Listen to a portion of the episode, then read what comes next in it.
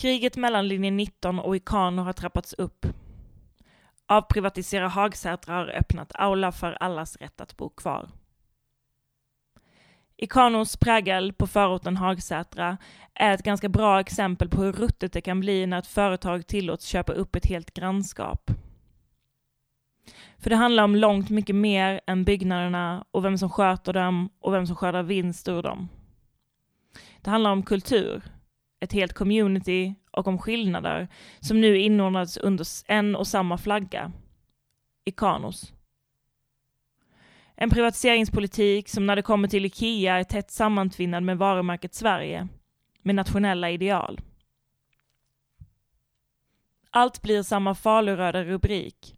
Allt heter samma.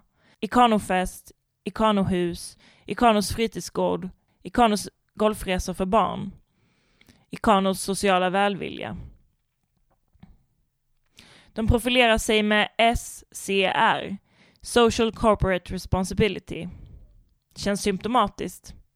Ett folkkärt varumärke ska förvalta spillrorna av ett samhälle. Bara dagarna efter att köpet gått igenom vajade Ikanos flaggor över centrum, på sandlådor och över skinande servicekontor som aldrig är bemannade. Förutom när vi ska sätta upp affischer med andra budskap, för då jävlar är det service. För inget annat ska få plats.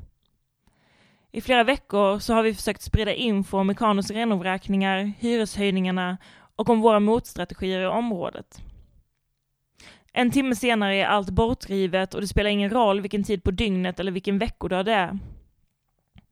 En timme senare är Kanos anställda där och river ner. Anställda bara för den saken. Att kontrollera vad som sägs och vad som görs i det centrum som nu är deras privata foyer. Här slutar allmän väg. Ni lyder nu under Ingvar Kamprads lag. När vi har stött på dessa sabotörer har vi mötts av en entusiasm som man sällan ser. Med brinnande blick pläderade en tant som om det på riktigt handlade om att försvara fosterlandet.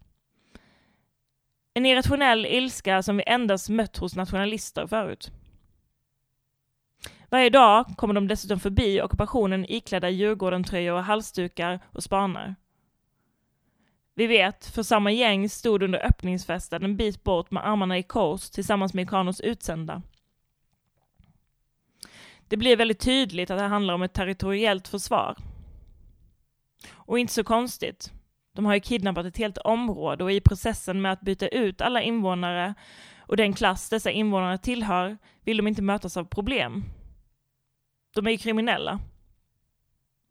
Som när de trakasserade boende till att skriva på kontrakt för skuttiga IKEA-renoveringar. Indrivare som ringt på dörren varje dag och ljugit och sagt du är den sista i huset som inte skrivit på. Vi har fått höra om pensionärer som tagit sitt liv i desperation. Deras vänner har kommit till ockupationen och vittnat om hur det är att få hela sina livsverk utplånade.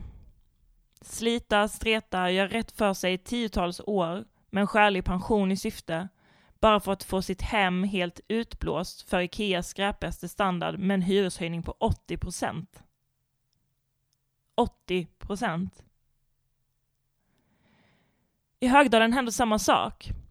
Ni minns hur Citycon, centrumägaren i Högdalen, pratade om missbrukarna som skulle saneras bort för ett levande och attraktivt centrum, som de sa. På många sätt var ockupationen av Folkets hus där en reaktion mot en kommande kultur. En påtvingad kultur.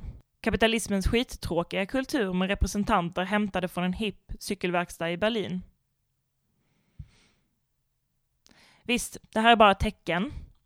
Men dessa tecken hopar sig och kommer med en negation av allt som är vi. Och allt som är det här grannskapet. Och när det protesteras blir folk tvärt överkörda.